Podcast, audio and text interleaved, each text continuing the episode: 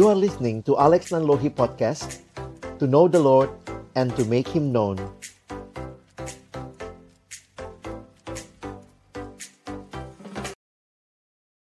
Mari ibu-ibu yang dikasihi Tuhan kita berdoa sebelum kita akan membaca merenungkan firman-Nya. Kami datang di dalam ucapan syukur di hadapan-Mu ya Tuhan terima kasih untuk kesempatan kami boleh bersama-sama memuji memuliakan namamu dan tiba waktunya bagi kami untuk membuka firman-Mu ya Tuhan. Kami mohon ketika kami membuka firman-Mu bukalah juga hati kami Jadikanlah hati kami seperti tanah yang baik. Supaya ketika benih firman-Mu ditaburkan itu boleh sungguh-sungguh berakar, bertumbuh. Dan juga berbuah nyata di dalam kehidupan kami. Berkati baik hambamu yang menyampaikan semua kami yang mendengar Tuhan tolonglah kami. Agar kami bukan hanya menjadi pendengar-pendengar firman yang setia. Tapi mampukan dengan kuasa, dengan pertolongan dari rohmu yang kudus kami dimampukan menjadi pelaku-pelaku firman-Mu di dalam kehidupan kami, di dalam keseharian kami. Bersabdalah ya Tuhan, kami umat-Mu sedia mendengarnya. Di dalam satu nama yang kudus dan berkuasa, nama Tuhan kami Yesus Kristus, kami menyerahkan pemberitaan firman-Mu. Amin. Shalom, selamat pagi ibu-ibu yang dikasihi dalam Tuhan Yesus Kristus, baik yang hadir secara on-site maupun yang mengikuti secara online. Pagi hari ini topik tentang doa, ini topik yang satu sisi begitu natural, begitu alami. Karena setiap orang dalam hidup sehari-hari begitu gampang berseru kepada Tuhan. Bukankah doa itu adalah seruan kepada Tuhan? Lupa matikan kompor, tiba-tiba ya Tuhan. Nah itu doa ya. lupa ini, lupa itu, kayaknya gampang sekali keluar kata seruan kepada Tuhan. Tetapi pada saat yang sama, doa juga satu misteri yang kita rasanya tidak pernah selesai belajar. Berdoa adalah sebuah relasi dengan Allah. Dan di dalam relasi tentu ada up and down ya. Demikian juga dengan pasangan maupun dengan keluarga, anak-anak, ada up and down. Kadang-kadang rasanya dekat, kadang-kadang rasanya jauh, tapi tetap suami kita ya. Kalau ibu-ibu bicara dengan pasangan ya itu perasaan itu akan ada dan ini jadi bagian yang saya harap kita mengerti doa bukan sebagai sebuah ritual belaka. Karena itu ada kalimat yang menarik mengatakan berdoa adalah membuka hati dan bercakap-cakap dengan Allah. Berdoa merupakan hak istimewa bagi kita anak-anaknya.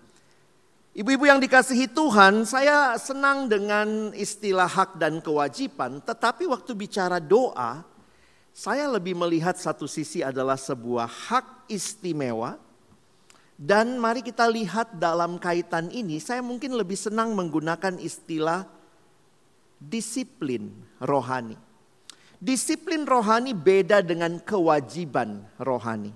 Kewajiban itu faktornya dipaksa dari luar, sementara disiplin itu muncul dari dalam. Nah, ini yang saya pikir kita perlu hayati. Saya pernah berkata kepada saya banyak pelayanan ke anak remaja ya mereka bilang, koko saya malas doa kok. Kalau saya yang mewajibkan, anak sekarang pada nggak suka diwajibin ya. Ayo mesti doa. Tapi saya menolong dia untuk menyadari. Saya bilang begini sederhana, kalau kamu nggak doa yang rugi siapa? Tuhan atau kamu sendiri? Oh iya ya kok, gue juga yang rugi. Lalu kemudian dia bilang, kok malas baca Alkitab. Kalau kita bilang nggak baca Alkitab, awas lo dikutuk Tuhan. Nah, ayo wajib baca Alkitab. Itu mungkin akan membuat mereka membaca tapi dengan ketakutan karena jadi kewajiban. Mungkin awalnya memang harus diwajibkan. Tetapi seiring berjalannya waktu dan pertumbuhan seseorang, sebaiknya kewajiban menjadi disiplin yang dia sadar dan dia lakukan. Karena itu saya tanya, kalau kamu nggak baca Alkitab siapa yang rugi? Tuhan atau kamu? Saya sih kok ya sudah baca. Nah ibu-ibu yang dikasihi Tuhan, doa itu adalah sebuah relasi di mana kita membuka hati kepada Allah karena Allah yang terlebih dahulu memberi akses itu melalui karya penebusan Kristus. Tuhan memberi akses, memberi hak bagi kita untuk datang kepada Dia. Di Perjanjian Lama, semua harus aksesnya lewat imam imam besar setahun sekali akan masuk ke ruang maha kudus membawa persembahan, membawa doa umat. Umat datang melalui imam. Tetapi di perjanjian baru, Yesus Kristus imam besar kita telah masuk ke dalam ruang maha kudus itu satu kali untuk selamanya mempersembahkan dirinya. Kurban yang satu-satunya. Sehingga sekarang kita punya hak istimewa boleh datang kepada Dia kapan saja, dari mana saja, di dalam roh, di dalam kebenaran. Nah, sayangnya banyak orang yang merasakan doa sebagai sesuatu yang membosankan atau membebani, sehingga mereka tidak bisa menikmati saat-saat berdoa. Belum lagi kalau tema hari ini ya, kalau doanya nggak dijawab-jawab, kayaknya Tuhan terlambat, delay kayak salah satu maskapai penerbangan yang tidak usah saya sebutkan namanya. Siap-siap aja delay kalau naik penerbangan itu. Kadang-kadang baru datang aja udah lihat ada kotak makanan, oh bakal delay nih. Sehingga ibu-ibu yang dikasihi Tuhan, kalau kita mengerti doa sebagai relasi, maka kiranya kita mengertinya lebih dalam lagi daripada sekedar sebuah tradisi, sebuah ritual atau bahkan hanya kewajiban karena harus doa. Tidak sedikit orang yang menjadikan doa sebagai formula untuk memperoleh sesuatu yang dia mau, kesuksesan, kesembuhan. Jadi doa cuma kayak mantra ajaib. Karena itu saya kutip sebuah kalimat dalam buku Pendeta Yuso Maaf kalau cukup kecil tapi semoga bisa terbaca ya. Doa Kristen bukanlah mantra yang dasarnya bukan relasi antar pribadi. Mantra itu begitu. Ya udah kita ngomong aja ya. Nggak tahu apa maknanya, nggak ada relasi antara saya dengan dia. Seperti nonton sulap ya. Nanti kemudian pesulapnya bilang, ayo semua bilang sim, salabim, abra, kadabra. Saya mau tanya, ada bapak ibu-ibu yang tahu apa itu sim, salabim? Nggak tahu ya abrakadabra. Teman kalau disuruh ngomong, ngomong aja. Karena begitu ngomong satu kali nanti keluar rabbit, keluar bunga. Mantra tanpa relasi. Sementara kalau kita bicara tentang doa, doa Kristen bersifat pribadi, bersifat interaktif, bukan hanya kita ngomong kepada Allah, tetapi Allah bicara kepada kita. Di dalamnya ada interaksi antara kehendak Allah dan kehendak manusia. Nah, Alkitab mengajarkan doa bukanlah sekadar aktivitas tanpa makna atau mantra untuk mendapatkan sesuatu yang kita inginkan. Doa adalah sarana untuk berkomunikasi dan membangun relasi dengan Allah. Maaf, saya mungkin lebih banyak bicara doanya daripada bicara delaynya. Kenapa? Karena prinsipnya doanya dulu. Kalau kita disuruh tunggu oleh seorang pribadi yang kita tahu, dia kenal kita. Dia tahu pergumulan kita. Dia tahu yang terbaik buat kita. Dia tahu kehendaknya harus terjadi dalam hidup kita. Sebenarnya kalau kita sudah paham itu, disuruh tunggu pun rela ya. Yang paling gak enak itu kalau kita harus nunggu tanpa kejelasan. Ibu-ibu mungkin pernah lihat ya, kalau umurnya rata-rata nih kita pernah atau ibu-ibu pasti ngalamin. Dulu itu lampu merah nggak ada detiknya.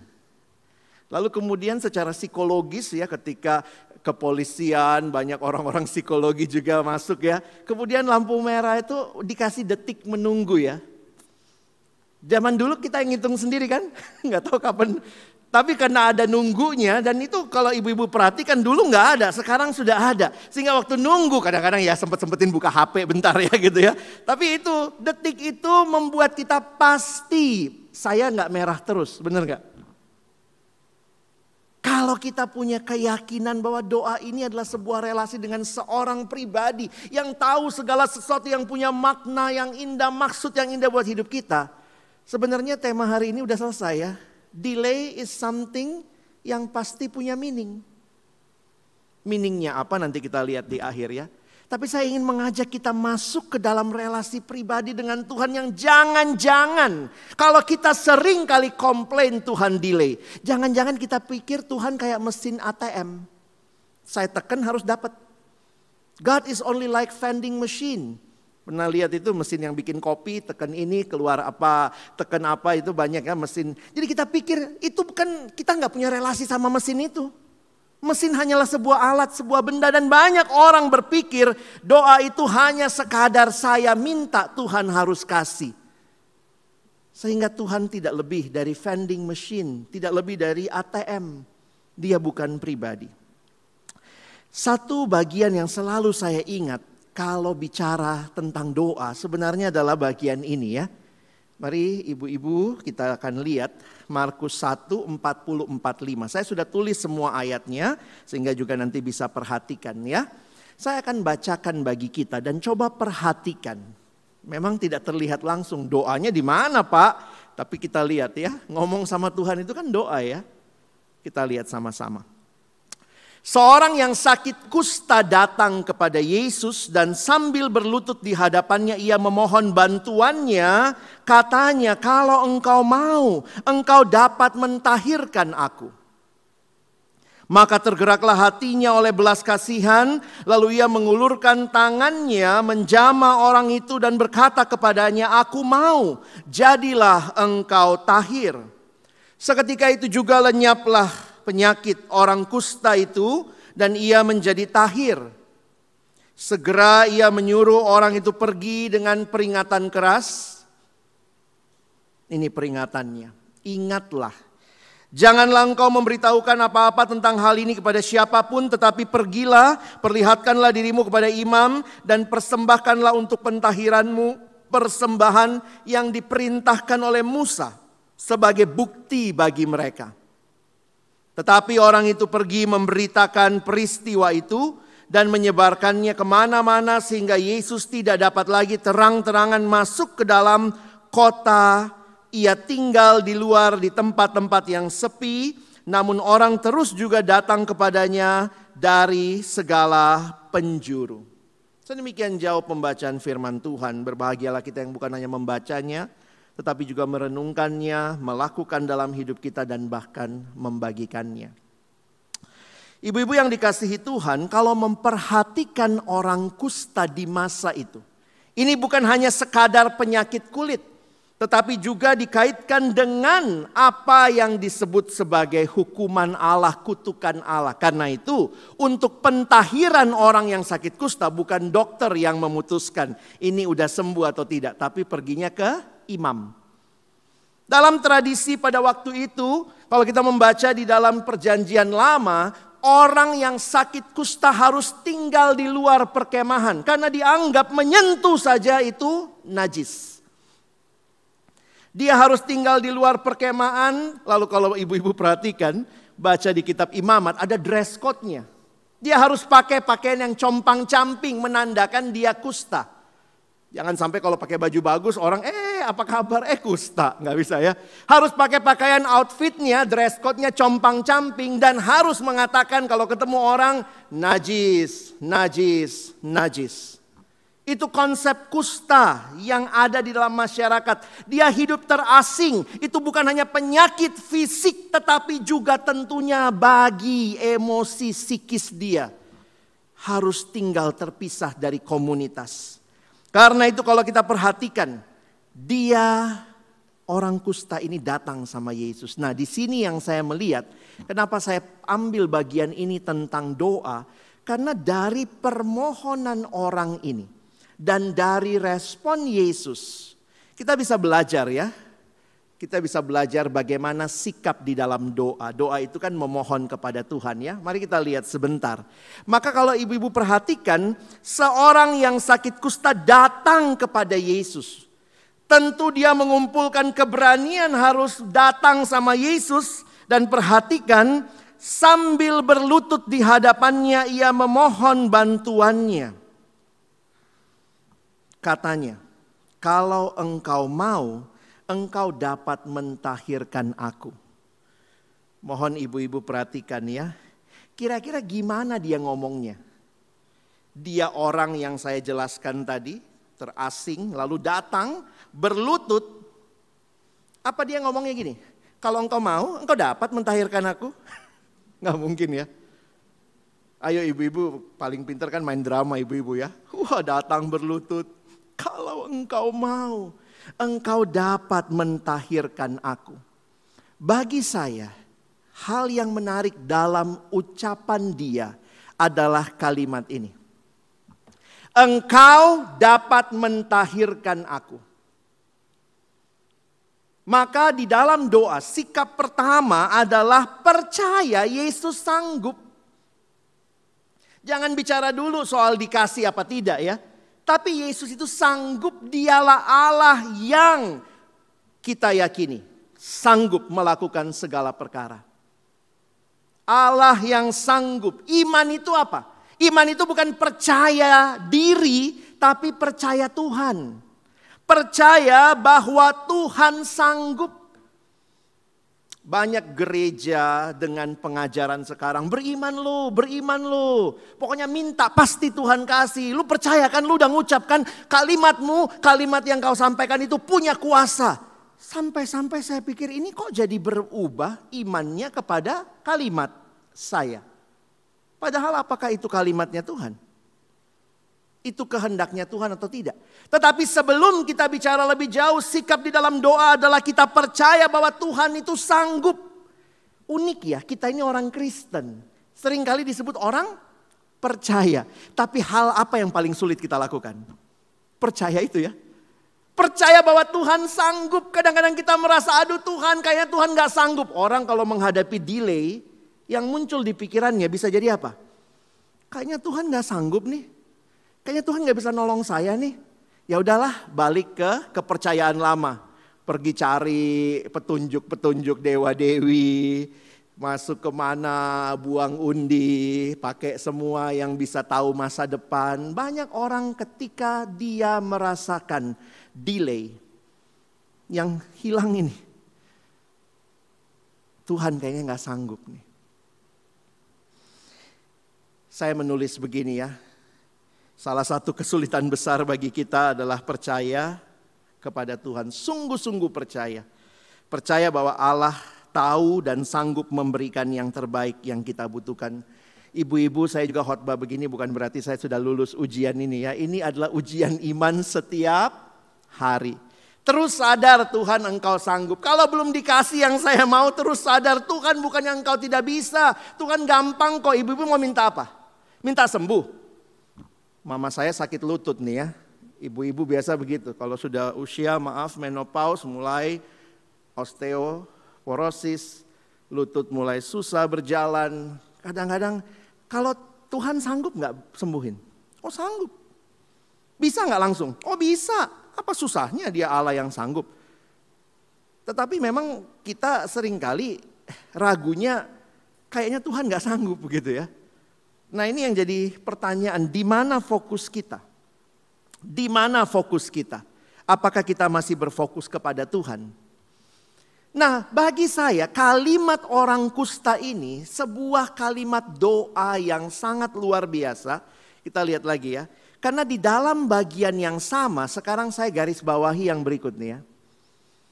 Engkau dapat mentahirkan aku, tetapi lihat yang pertamanya. Menarik ya kalau engkau mau. Jadi dalam doa itu kita sangat PT percaya Tuhan. Tetapi kita juga punya sikap berserah kepada kehendak Tuhan. Tuhan sanggup, sanggup. Tapi kalau Tuhan mau, kalau Tuhan bilang tidak, kalau Tuhan bilang belum, kalau Tuhan belum mau. Nah makanya waktu berdoa sikapnya jangan ngotot. Itu bukan sikap Kristiani. Sikapnya adalah percaya tetapi berserah. Sementara yang banyak diajarkan di tempat-tempat yang lain, doa itu percaya dan ngotot. Kalau lu udah bilang dalam nama Yesus pasti terjadi. Loh siapa Tuhannya? Jangan-jangan kita pikir dia pembantu. Saya suruh bawa, bawa ya, datang-datang ya. Emangnya begitu? Banyak orang lupa di Taman Getsemani Yesus berdoa, bukan kehendakku, tapi kehendakmu Yesus yang adalah Tuhan. Bisa mengajarkan kepada kita satu penyerahan diri yang luar biasa. Tuhan kenapa belum kasih? Kalau Tuhan belum kasih bukan berarti Tuhan tidak sanggup. Mungkin Tuhan belum mau. Wah ini kalau datang dengan sikap seperti ini. Coba ibu-ibu pikir. Kalau dia pulang nggak sembuh. Gimana? Kalau dia pulang nggak sembuh, Tuhan Yesus bilang, ah saya nggak mau. Dia tetap percaya Tuhan engkau sanggup walaupun sekarang saya nggak sembuh. Harusnya begitu ya. Jangan sampai kita malah kebalik. Kalau kita tidak dapat yang kita mau, langsung kita bilang Tuhan jahat. Atau malah kita balik. Kita mulai self pity. Kayaknya memang Tuhan nggak sayang sama saya. Wah, malah kita kita rasa kita lah korban dari skenario Tuhan. Please, kita bukan sedang berbicara sinetron ya. Ikatan love gitu ya. Ini bicara tentang Allah yang punya kehendak dan dia pribadi pemilik hidup ibu-ibu sekalian. Pemilik hidup keluarga kita. Dia tahu apa yang terbaik. Dia sanggup tetapi tergantung kehendaknya. Makanya tadi saya katakannya Yesus berkata begini, Ya Bapa, ya Bapakku, jikalau engkau mau. Saya kaget juga ya, formulanya sama dengan formula orang kusta itu ya.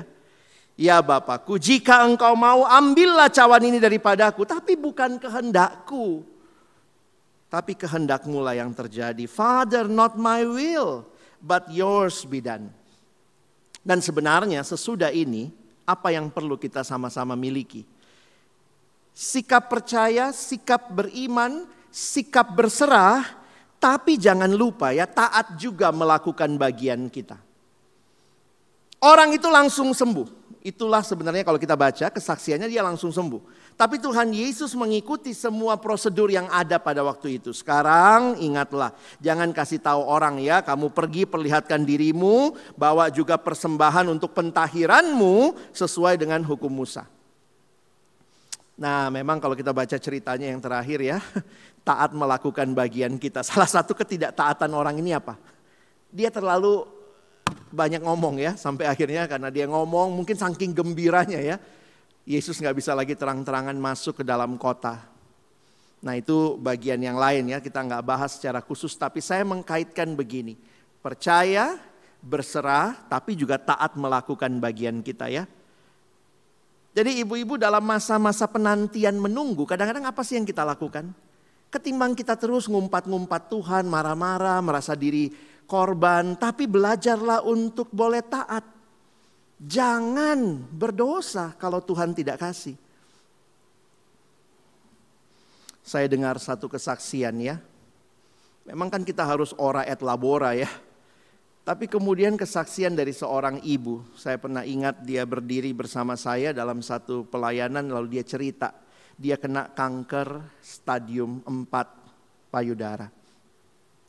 Dan ketika itu dia harus uh, kemo semua sudah lengkap dilakukan tapi intinya ya tidak berhasil dan dia cari pengobatan alternatif Pengobatan alternatif kemudian saudara-saudara banyak yang kemudian punya nasihat, lu pergi ke sini, lu pergi ke sini gitu ya. Sampai karena dokter sudah angkat tangan, udah dioperasi segala macam ya eh, tetap masih ada kansernya. Lalu saudara bilang begini, gue dengar di Jawa Tengah ada, kita ke sana aja. Dan katanya ini orang pakai doa ya, jadi kemudian dia datang ke sana, dia ikutin pengobatan harus tinggal di sana, diantar sama salah satu saudaranya. Dia bilang waktu dia sampai di sana, hari pertama dia sudah langsung rasa karena dia ibu ini on anak Tuhan sungguh-sungguh, dia udah langsung rasa ini pengobatan agak aneh. Betul sih bilangnya pakai doa, tapi pagi-pagi disuruh baca seperti mantra, nanti harus minum apa. Ketika itu dia mulai merasa nggak nyaman, dia minta sama saudaranya pulang. Enggak, gue nggak terusin pulang. Saudaranya marah-marah.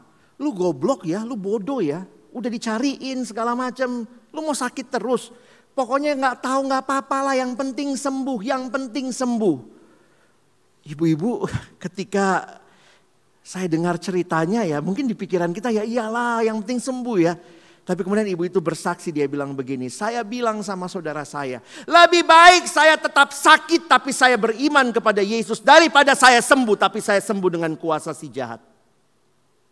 Wah, di situ saya lihat itu iman yang besar. Kadang-kadang kita cuma mau sembuhnya. Tapi apakah itu rencana Tuhan, kehendak Tuhan, dan caranya Tuhan? Kadang-kadang caranya Tuhan nggak bawa kita sembuh. Tapi di situ kita punya kedamaian. Sehingga akhirnya ibu itu berkeras pulang dan mereka pulang ke Jakarta. Nah memang secara mujizat Tuhan sembuhkan waktu dia bersaksi, dia sembuh.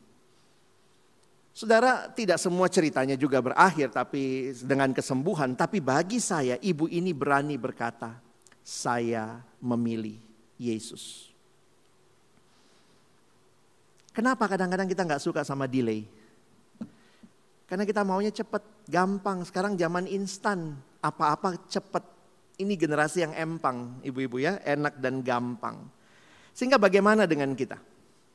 Bagaimana dengan saudara? Seharusnya Allah menjadi tujuan doa kita. Dan kebutuhan adalah konteks yang diperalat Allah tetapi kini telah bergeser. Doa tujuan utamanya adalah kebutuhan saya.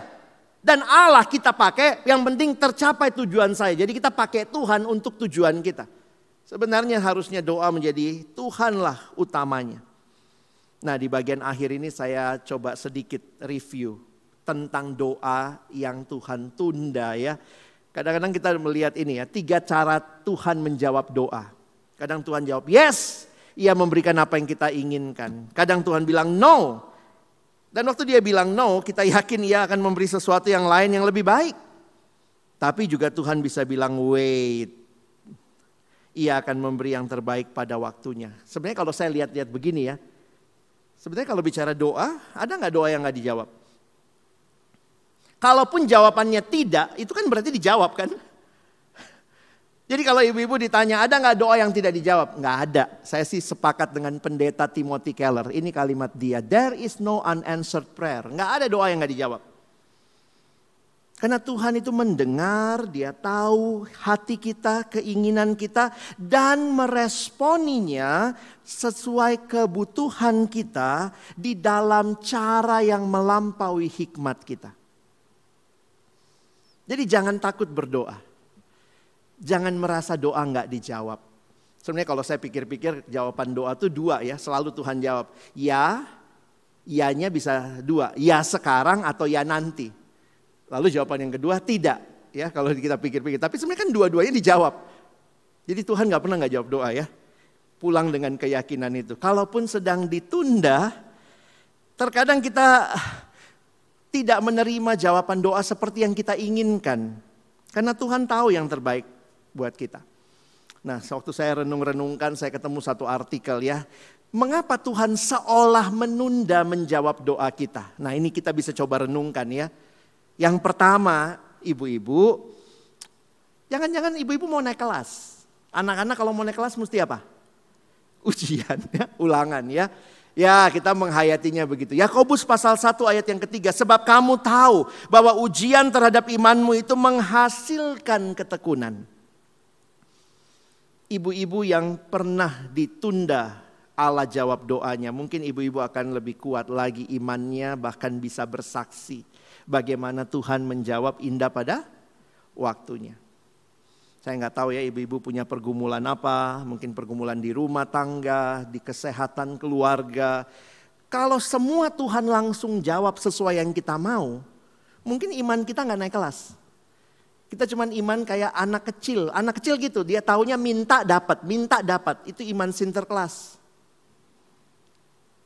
Yang kedua, ternyata ketika Tuhan menunda, jangan-jangan Tuhan sedang mendidik saudara, ibu-ibu sekalian untuk rendah hati.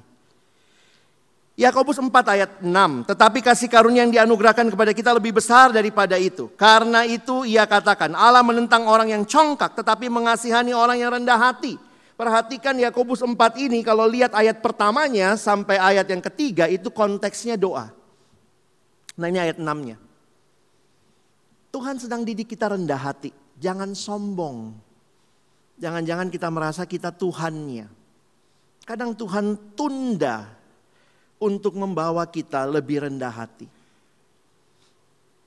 Ketika papa saya sakit, almarhum papa saya, sebenarnya dia kena cancer, tapi cancernya sembuh pada akhirnya ya, meninggalnya sebenarnya uh, lebih banyak karena demensia. Dan waktu itu saya, waktu kena cancer saya sempat mikir ya, pikiran saya adalah apa? Saya ini hamba Tuhan, Tuhan saya sudah serahkan masa muda saya, hidup saya. Kenapa begini papa saya? Jadi sebenarnya saya sombong. Rasanya kalau saya hamba Tuhan gak boleh dong keluarga saya cancer. Tuhan ngapa sih? Saya udah pelayanan, udah hidup saya, saya berikan untuk Tuhan. Kok begini keluarga saya? Tuhan kayak mau ngomong, emangnya lu yang Tuhan? Saya sombong, saya kurang rendah hati. Dan ketika saya sampai pada titik, ya Tuhan, papa saya milikmu.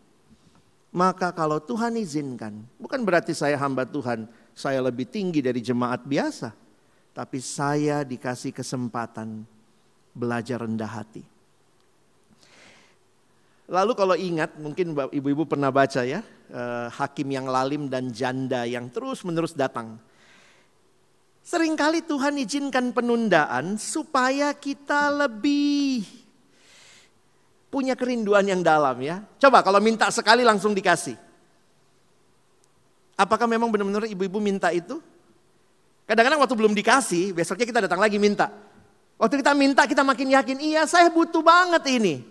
Nggak dikasih, besoknya datang lagi. Masih minta hal yang sama, berarti makin membuat kita punya kerinduan yang dalam terhadap permintaan itu. Iya benar Tuhan saya butuh ini. Dan jangan-jangan juga dalam pergumulan kita Tuhan bilang bukan itu yang jawaban terbaik. Tapi ketika kita datang kepada Tuhan, itu menolong kita punya kerendahan hati. Yang terus menerus, kerinduan yang dalam. Berikutnya, ditunda, belum dikasih, itu membuat kita menghargai jawaban Tuhan. Coba kalau hari ini minta langsung dikasih. Begitu dapat, belum tentu menghargai ya. Sesuatu yang kita nantikan dengan sabar, maka ketika Tuhan menjawabnya kita akan semakin menghargai jawaban tersebut. Beberapa keluarga yang memohon kepada Tuhan dalam usaha meminta keturunan ketika lahir anaknya. Wih banyak anaknya namanya Grace kalau perempuan ya. Karena ini anugerah kami tunggu sekian lama. Mungkin kalau anaknya baru merit dua minggu dapat langsung. Waktu lahir anaknya cari ya siapa bintang film Korea atau siapa ya namanya itulah ya nama-nama yang fancy. Tapi kalau udah lama ditunggu namanya tuh uh, ada maknanya ya. Setiap kata, titiknya pun ada maknanya gitu ya. Jadi sering kali Tuhan menolong kita juga. Dan terakhir, ketika doa belum dijawab, ini menolong kita untuk tetap menikmati persekutuan yang indah dengan Allah. Jangan-jangan ketika doa sudah dijawab, udah nggak datang sama Tuhan lagi ya. Maka nikmatilah. Ini saatnya kita datang kepada Tuhan ketika belum terjadi seperti yang kita minta. Maka percayalah, Dia Allah yang peduli dengan hidup saudara. Dia Allah yang tidak pernah tertidur, tidak pernah tutup mata. Dia kenal kita satu per satu. Karena itu saya tutup dengan kalimat ini. Dari pendeta Timothy Keller, dia menulis buku tentang prayer.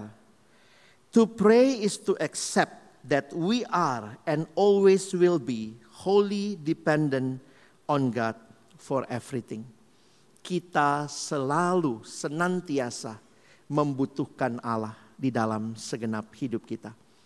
Doa menjadi sebuah relasi yang indah, sehingga ketika belum dijawab, itu pun penantian yang indah yang menguatkan iman kita, menolong kita lebih rendah hati, menghargai persekutuan dengan Tuhan. Itulah yang sedang Tuhan kerjakan. Kiranya Tuhan menolong kita untuk tetap tekun berdoa. Amin. Mari kita berdoa. Bapa di dalam surga terima kasih untuk kebenaran firman-Mu setiap wawasan yang juga pagi ini kembali meneguhkan kami di tengah-tengah hidup kami, pergumulan kami, bahkan situasi-situasi yang sulit yang kami hadapi. Yang saat ini pun kami masih tidak tahu mengapa Tuhan belum menjawab sesuai dengan apa yang kami mau atau mungkin Tuhan sudah jawab tetapi kami tetap merasa yang kami mau yang terbaik. Tuhan tolong kami semakin menikmati relasi dengan Engkau, semakin bergantung kepadamu, semakin percaya, semakin berserah, dan semakin taat. Tolong kami bukan hanya jadi pendengar firman yang setia, tapi sungguh boleh jadi pelaku-pelaku firman-Mu. Di dalam nama Yesus kami bersyukur, kami berdoa. Amin.